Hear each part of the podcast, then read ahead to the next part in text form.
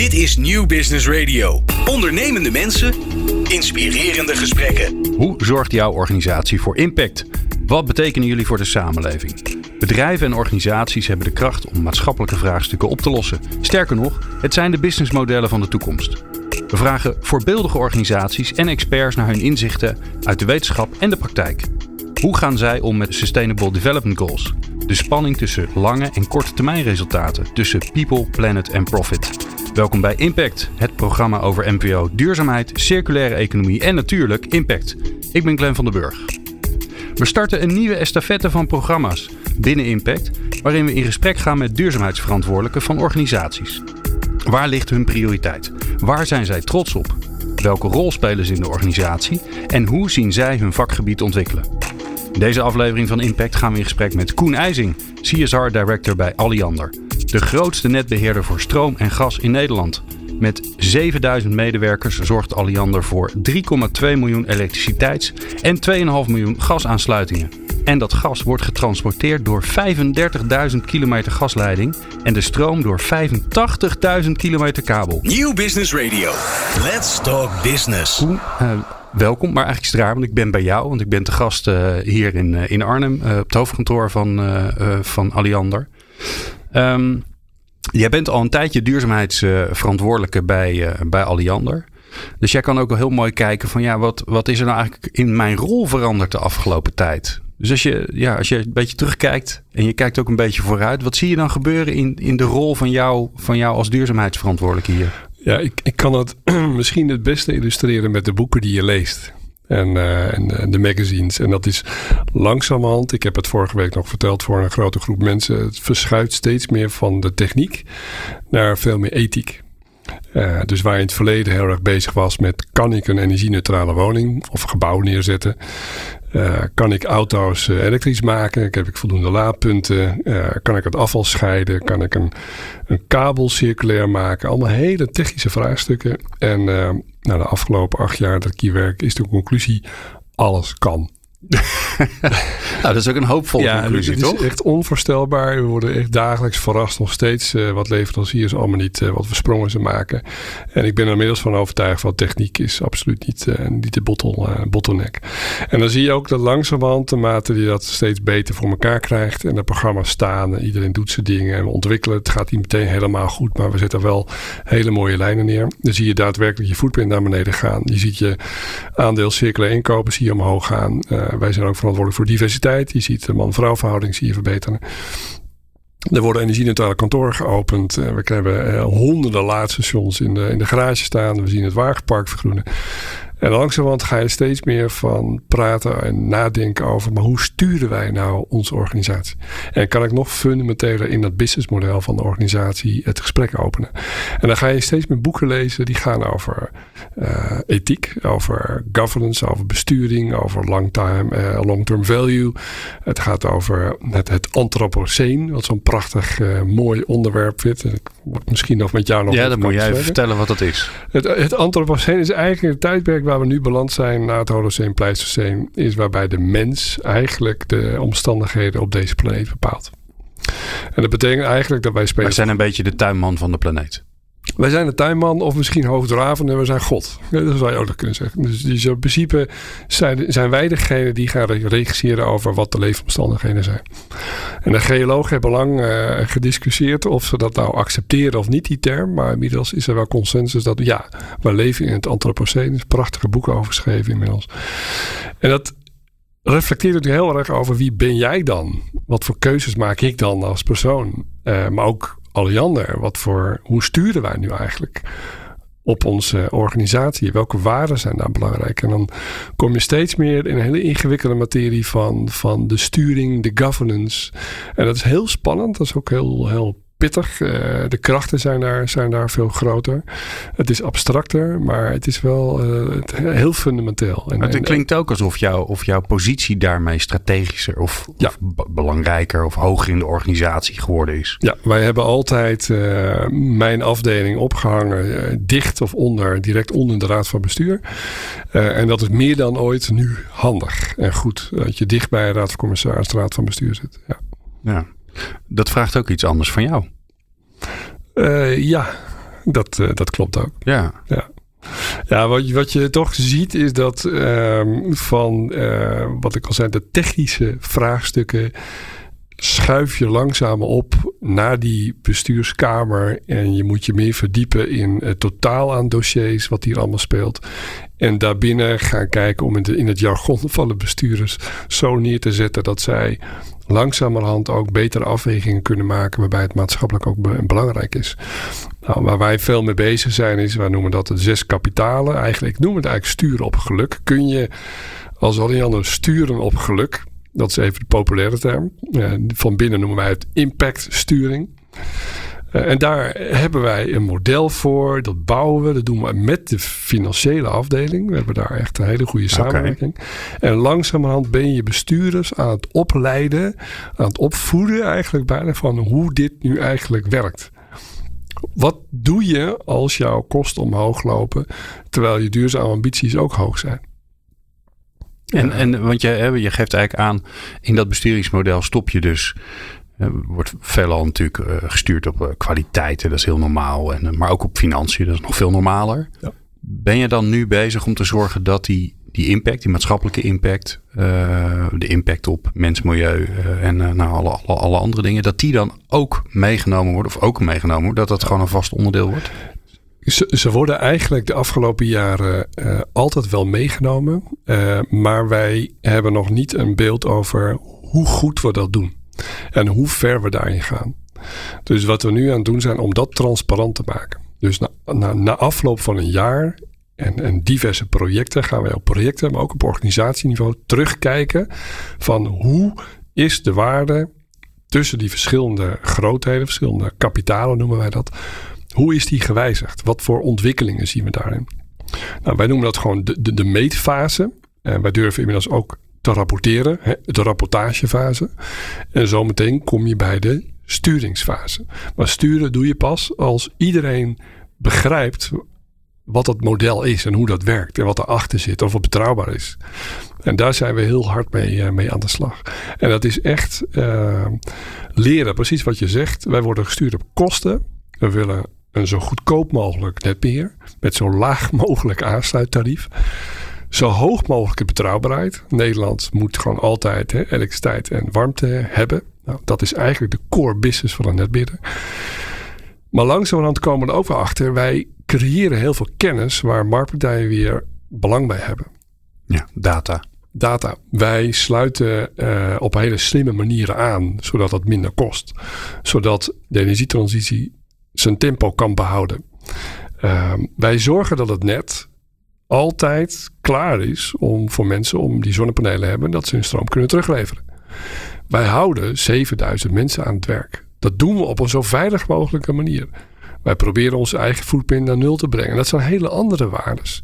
En die staan altijd wel verstopt. En dat doen we altijd wel. Maar hoe dat we nou moeten gaan afwegen als het spannend wordt. Nee, dat wou ik zeggen, want daar zit natuurlijk spanning tussen. Ja, zeker. Ja? Alleen al kosten en mensen, dat is misschien wel de meest eenvoudige. Ja, ja. zoveel mogelijk mensen in dienst houden en zo laag mogelijke kosten. Dat staat op een spanning met elkaar. Uh, maar ik kan me ook heel goed voorstellen, want dat is het grappige natuurlijk.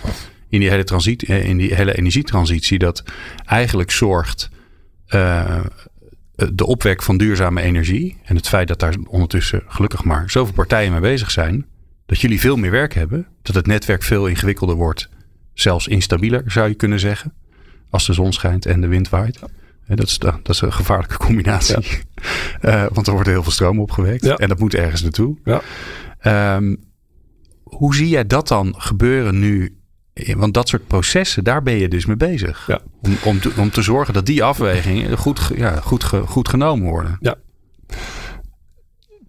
wat, ik zeg, dit is leren. Uh, dit is gewoon uh, trial and error. Uh, dus dus de, de reflex en de opdracht van een netbeheerder. En dat geldt voor Tenet, voor Nexus en voor Leon Steding. En, en dat geldt eigenlijk ook voor de NS. Dat wij altijd worden gevraagd wat de markt, hoe de markt zich, zich ontwikkelt.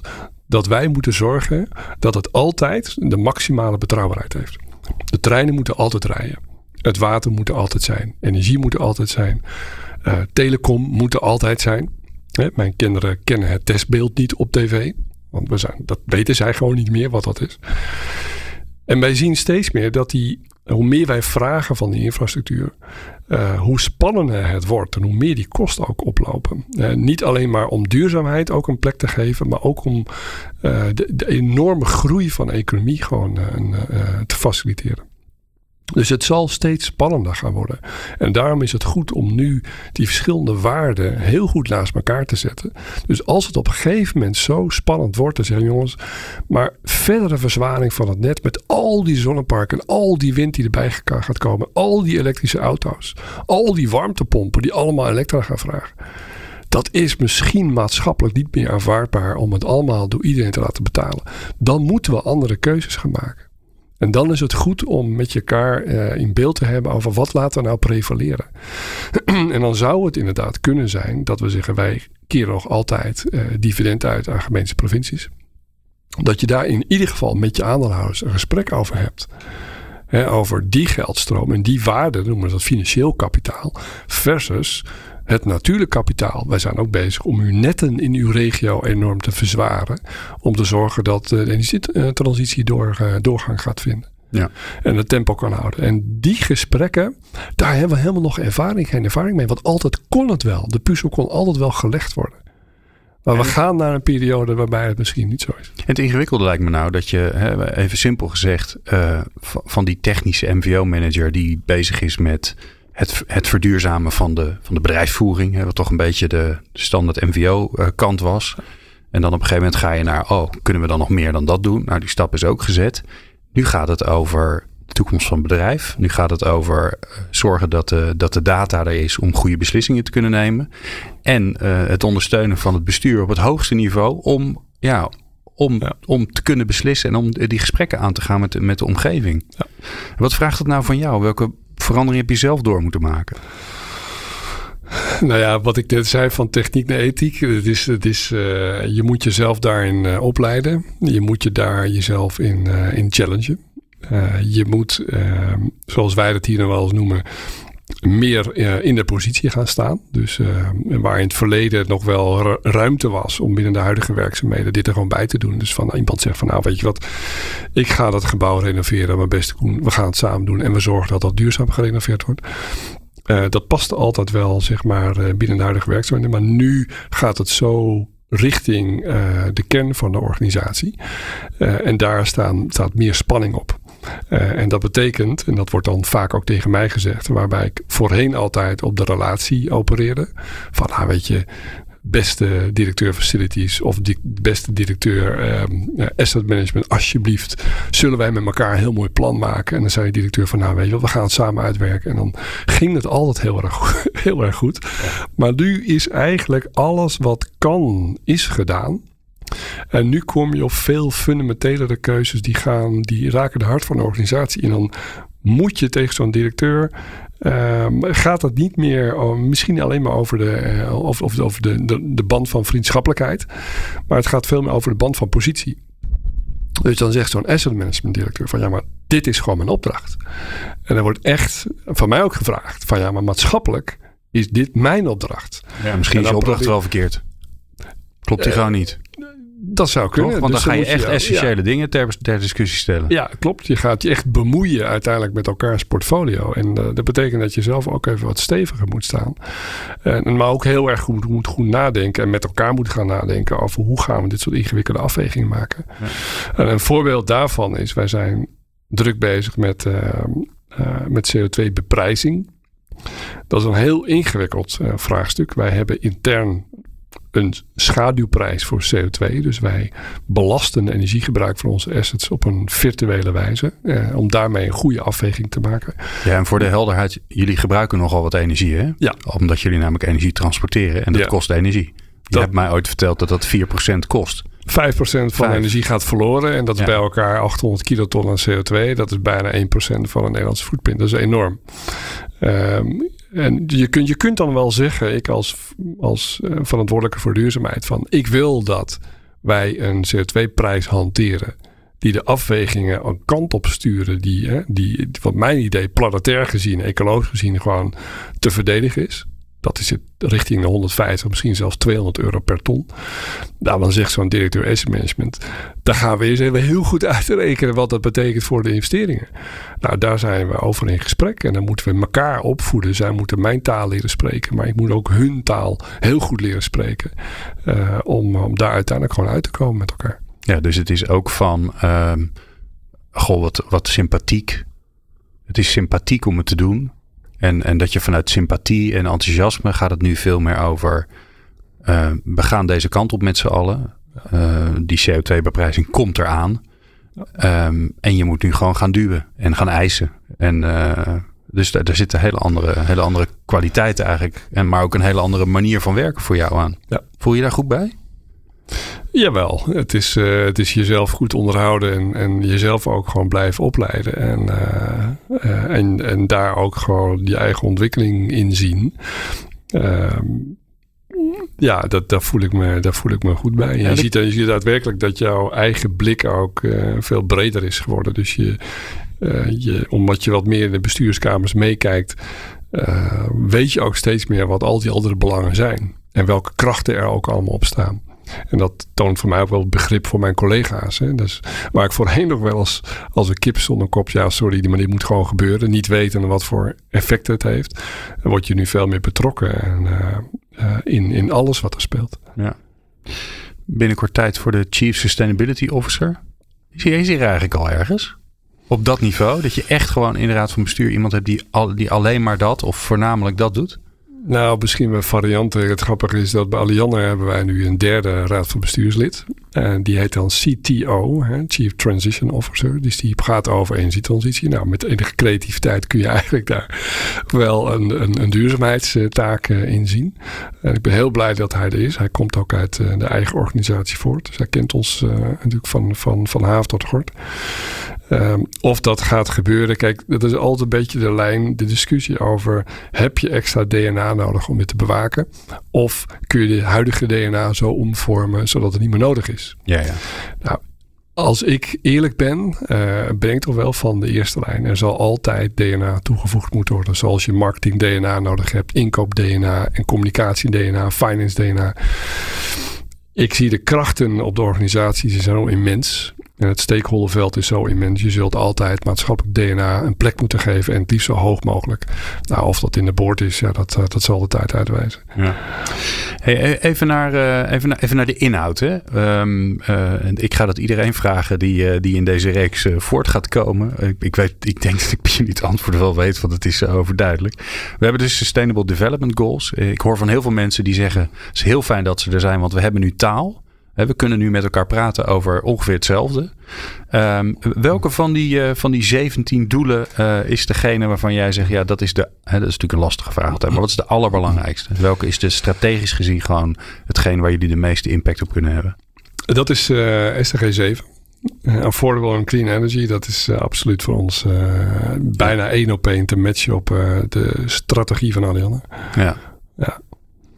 Dat, dat is redelijk logisch. Ja. Het zou wat zijn als je zou, zou zeggen, nou, dat is uh, no poverty. En wij zijn doe maar honger. Of ja, doe maar honger. We zijn enorm bezig in, uh, in verre, verre landen om dat voor elkaar te krijgen. Ook al is dat natuurlijk super belangrijk.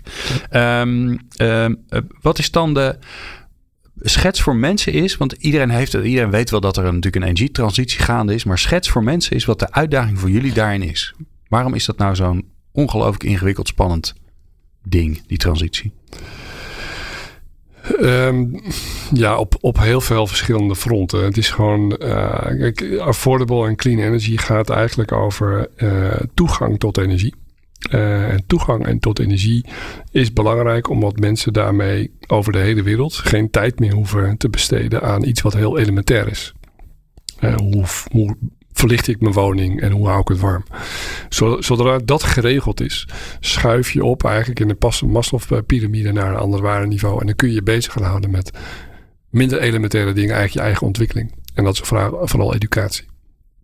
En als mensen zichzelf gaan onderwijzen en, en, en werk gaan zoeken en, en op andere manieren zichzelf ontwikkelen, dan heb je eigenlijk een hogere beschaving. En dan zie je tegelijkertijd ook gewoon uh, ja, dat een land zich ontwikkelt, minder afhankelijk gaat worden. En heel erg belangrijk, en dat vergeten heel erg veel mensen, dan zie je ook dat de bevolkingsgroei afneemt. op die manier. En daarom is toegang tot, tot energie zo cruciaal. En vroeger had daar niet clean energy bij gestaan. Inmiddels staat hij er wel bij. We hopen dus dat alle landen die momenteel nog, dat nog niet hebben, dat op een duurzame wijze ontwikkelen. En daarom is hij voor ons ook belangrijk. Wij zullen niet zozeer meteen in ontwikkelingslanden aan de slag gaan, maar wij kunnen wel natuurlijk binnen Nederland zorgen dat wij het voor elkaar krijgen dat iedereen toegang heeft tot schone energie onder gelijke omstandigheden. En dat is ook meteen de missie van, eh, van, eh, van Alliander. Het kan niet zo zijn dat de Happy View in Nederland rustig zonnepanelen plaatst op zijn woningen. Maar dat de mensen in de meer de krachtwijken, de andere type wijken, gewoon daar niet aan kunnen, die investering niet kunnen opbrengen. Maar uiteindelijk wel de lasten dragen. Want dat net moet wel verzwaard worden, omdat we meer zon en meer laadpunten gaan krijgen. Dus in het ergste geval zijn er met name de happy view, de mensen van hoogopleiding die een elektrische auto hebben, een laadpunt hebben, zonnepanelen hebben, dus eigenlijk zeer goedkoop zich kunnen verplaatsen en energie kunnen verwarmen, een huis kunnen verwarmen, maar de kosten worden gesocialiseerd. Nou, dat is een maatschappelijk vraagstuk en dat betekent voor netbeheerder dat wij altijd zullen proberen de netinvesteringen zo laag mogelijk te houden. Dus dat net moet zijn werk kunnen gaan doen maar we proberen dat zo slim mogelijk te doen, zodat er zo min mogelijk extra geïnvesteerd hoeft te worden. Ja, en het ingewikkelde lijkt mij nou dat je, los van het feit dat, uh, dat, die, dat die tweedeling erin zitten. Enerzijds weet je dat het, dat netwerk van uh, er zijn een paar bronnen waar de energie vandaan komt, uh, naar heel veel bronnen waar die energie vandaan komt. Dat maakt natuurlijk dat het netwerk veel ingewikkelder wordt. Um, maar wat het ook ingewikkeld maakt, is dat die clean energy daar hebben jullie niet zoveel invloed op. Want je mag geen energie opwekken. Nee. Want jullie zijn gereguleerd. Hè? Dus allerlei regels en richtlijnen. Uh, dingen die je wel en niet mag. Ja. Is dat niet frustrerend zo nu en dan voor jullie? Omdat je er zo dicht op zit. Omdat je zo'n belangrijke schakel bent. Er wordt vaak uh, aan, uh, tegen netbeheerders uh, gezegd en ook tegen ons. Wij hebben een stakeholder panel elke jaar. Dan halen we een paar specialisten die kijken mee met ons conceptjaarverslag. En die roepen al vaker van uh, de netbeheerder zou stelling moeten nemen in het debat. Eén, uh, we hebben veel verstand van energie. Uh, ook vanuit duurzame ontwikkeling. maar wij zijn er in principe niet voor opgericht. in het marktmodel hebben we gezegd van economisch is het belangrijk dat dat net altijd blijft doen. En daarom hebben we meer een publieke taak, een monopolist de taak gegeven om die investeringen up-to-date te houden. Dat is het marktmodel. En dus de markt die keuzes maakt, wordt het groen of grijs. Um, zo hebben we het, uh, de sector gewoon, uh, gewoon ingericht. En natuurlijk zouden wij op een gegeven moment uh, vanuit mijn positie, hè, en dan heb je hem weer, van, vanuit mijn positie open ik wel eens het debat bij netbeheerders van als nou het net vol is. Of er mag nog één iemand aangesloten worden. Wie geeft je voorrang? Ja. Nou, dat is allemaal gereguleerd. Hè? Dat is eigenlijk van wie de eerst komt, wie de eerst maalt. Um, uh, op basis van aanvraag. Uh, maar daar zou je op een gegeven moment een scheiding kunnen maken. Nou, dat kan nu momenteel niet. Maar dat is natuurlijk een, een heel mooi debat, maar die ook weer heel fundamenteel en heel politiek uh, geladen is. Hè. Dat hebben we met elkaar niet besloten. Nee, jullie zijn gewoon objectief ja. en neutraal en jullie faciliteren de marktontwikkeling. Ja, ja. Maar, maar, maar kijk, qua wat, visie ben je dat niet. Verre van. Nee, kijk, wat wij nu doen, en dat zie je ook op onze uh, website. We hebben actuele prestaties uh, onder de kopje op, de, op, op onze internetpagina. Daar zie je de enorme groei van uh, zonnepanelen in ons net. Dus onze klanten leveren steeds meer terug aan het net. Dat groeit bijna 50.000 terugleverende klanten per jaar. We zitten nu ongeveer 200.000. Je ziet ook biogas in de voeding uh, toenemen. Dus dat net moet ook daarop ingericht zijn. We zien meer warmtenetten, waarbij wij ook een deel uh, faciliteren. Uh, we zien laadpunten enorm snel groeien. En die, en die kennis die laten we steeds meer zien binnen de organisatie, buiten de organisatie. En dat is eigenlijk de clean kant. En je hebt terecht een punt, wij gaan daar niet over. Maar hoe beter wij het net daarop faciliteren, hoe, hoe makkelijker die ontwikkeling kan plaatsvinden. Dus ergens hebben we natuurlijk wel een rol in, in dat hele spel. En, en daarom ben ik nu ook wel bezig om in Alliander over na te denken over hoe kunnen we wat meer meten. Dus oké, er komt meer clean. We laten dat meer schone energie op het net. En wij zorgen dat het op de meest affordable manier uh, wordt getransporteerd. Ja. En daar met elkaar weer in zoeken of hoe meten we dat dan? Waar kunnen we dan op sturen? Waar kunnen we niet op sturen? Dat zijn we momenteel aan het onderzoeken. Ja, want ondertussen krijg je ook concurrentie. Dat, dat had, je, had je natuurlijk 10, 20 jaar geleden nooit verwacht. Maar er ontstaan een soort microgrids, hè, kleine, kleine netwerkjes van buren die zeggen: Ja, ik heb goed dak, ik heb veel, uh, ik heb veel uh, stroom en uh, wil je dat hebben? Ja. En dat kunnen we via het net sturen, maar kan ook gewoon even een kabeltje naar je trekken. Even simpel gezegd, zo simpel is het natuurlijk niet. Maar dat gebeurt wel. Ja. Volgens mij mag het officieel niet. Uh, maar het gebeurt wel. Nou ja, concurrentie is een uh, groot woord voor een monopolist. Hè. Dan, dat is al een beetje ingewikkeld. Maar kijk, je kan hetzelfde zien als je aan Schiphol vraagt... Uh, hoe kijk je aan tegen de groei van het internationaal treinverkeer? En de mensen van Schiphol die ik ken, die zeiden van... in godsnaam, laat dat plaatsvinden. Want wij kunnen de groei gewoon niet aan als Schiphol. dit geldt nu ook voor het netbeheer. In godsnaam, laten wij met elkaar gaan nadenken hoe je dit zo slim mogelijk kan organiseren. En als er concepten komen waarbij klanten op een trouw, betrouwbare, goede manier het onderling kunnen regelen, zodat ze energie gaan uitwisselen en dergelijke. Dat moeten we echt met z'n allen blijven aanmoedigen.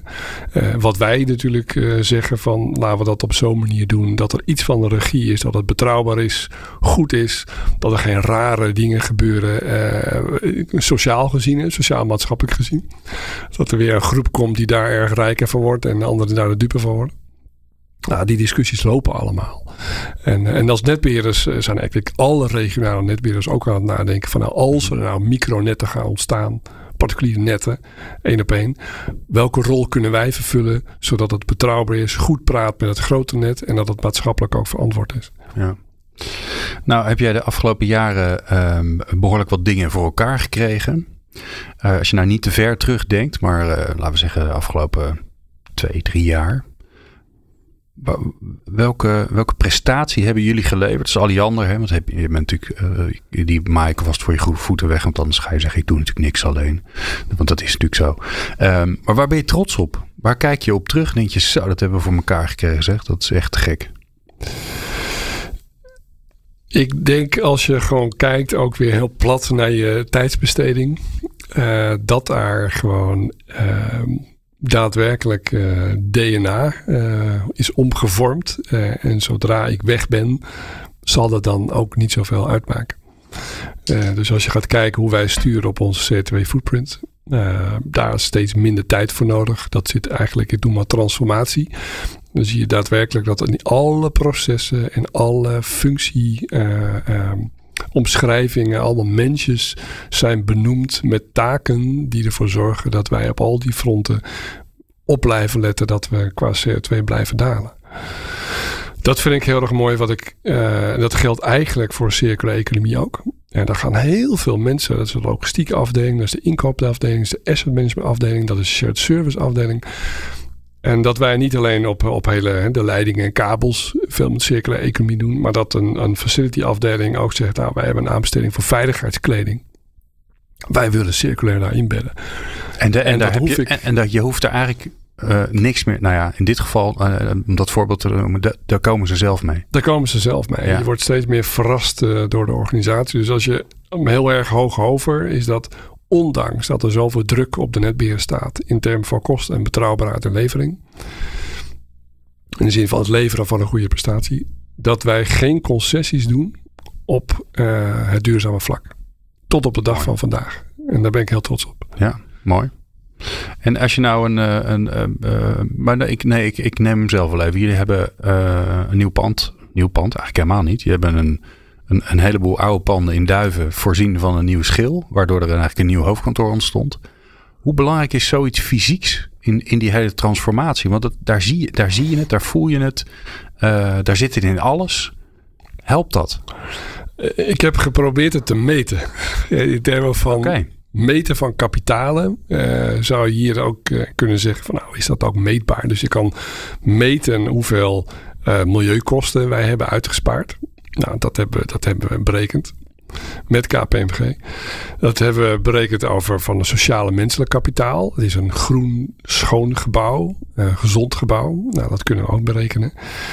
Uh, in welke mate het heeft bijgedragen aan wat wij dan noemen intellectueel kapitaal. Dat mensen wijs zijn geworden, dat zijn veranderd en dergelijke. Dat bleek heel erg ingewikkeld te zijn. Dat had ik eigenlijk alle mensen, we hebben bijna 6000 uh, mensen die een excursie hebben gehad uh, in het pand in Duiven. Over de, over de hele wereld komen ze naar het pand toe. Ik had ze allemaal moeten enquêteren. Ja, vooraf en achteraf. vooraf en achteraf. En dan had ik misschien een jaar later nog moeten gaan vragen, wat heb je nou gedaan? Dan hadden wij een betrouwbare meter ja. gehad. En nu hebben wij slechte conclusie. Hebben bijna 6000 mensen even rondgeleid. En tot op de dag van vandaag uh, is het pand, uh, gaat de hele wereld over als een van de meest ja, duurzame voorbeelden van niet bouwen, maar herontwikkelen van ja. vastgoed. Nee, ik zie bijvoorbeeld hetzelfde bij ABN AMRO. Hè. Die hebben natuurlijk een circle, uh, het circulair paviljoen, pal voor de deur. Ja. Je ziet het hoofdkantoor bijna niet meer, want je ziet alleen maar circle. Daar zie ik ook gewoon, en ik heb het ook niet gemeten, maar daar zie ik ook doordat dat een hele fijne plek is, maar dat er een enorm verhaal aan vast zit. Ja. En daar heel veel ABN AMRO collega's, die komen helemaal niet meer in het hoofdkantoor, maar die gaan daar zitten werken of ja. die gaan daar afspreken. Ja. Ik kan me heel goed voorstellen dat dat enorm veel in beweging zet.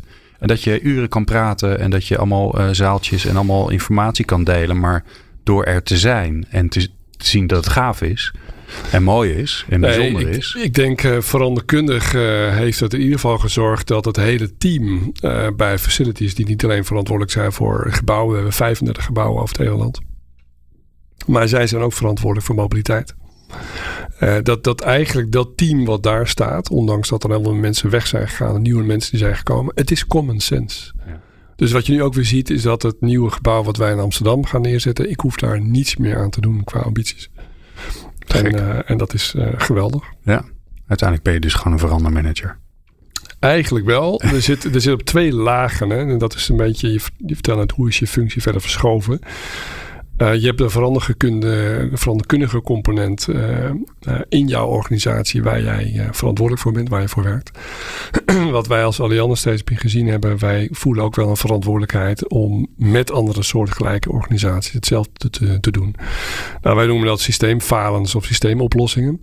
En, en dat is eigenlijk ook wel een volgende hoofdstuk in mijn werk. Niet alleen dat je steeds meer strategisch op bestuurskamersniveau meepraat en meedenkt gaat er ook steeds meer om van hoe kan het nou zijn dat uh, de Circle en, en het pand in Duiven of uh, DI uh, in Amsterdam, dat dat nog geen gemeengoed is. En daar maak ik me wel steeds harder en, en, drukker om.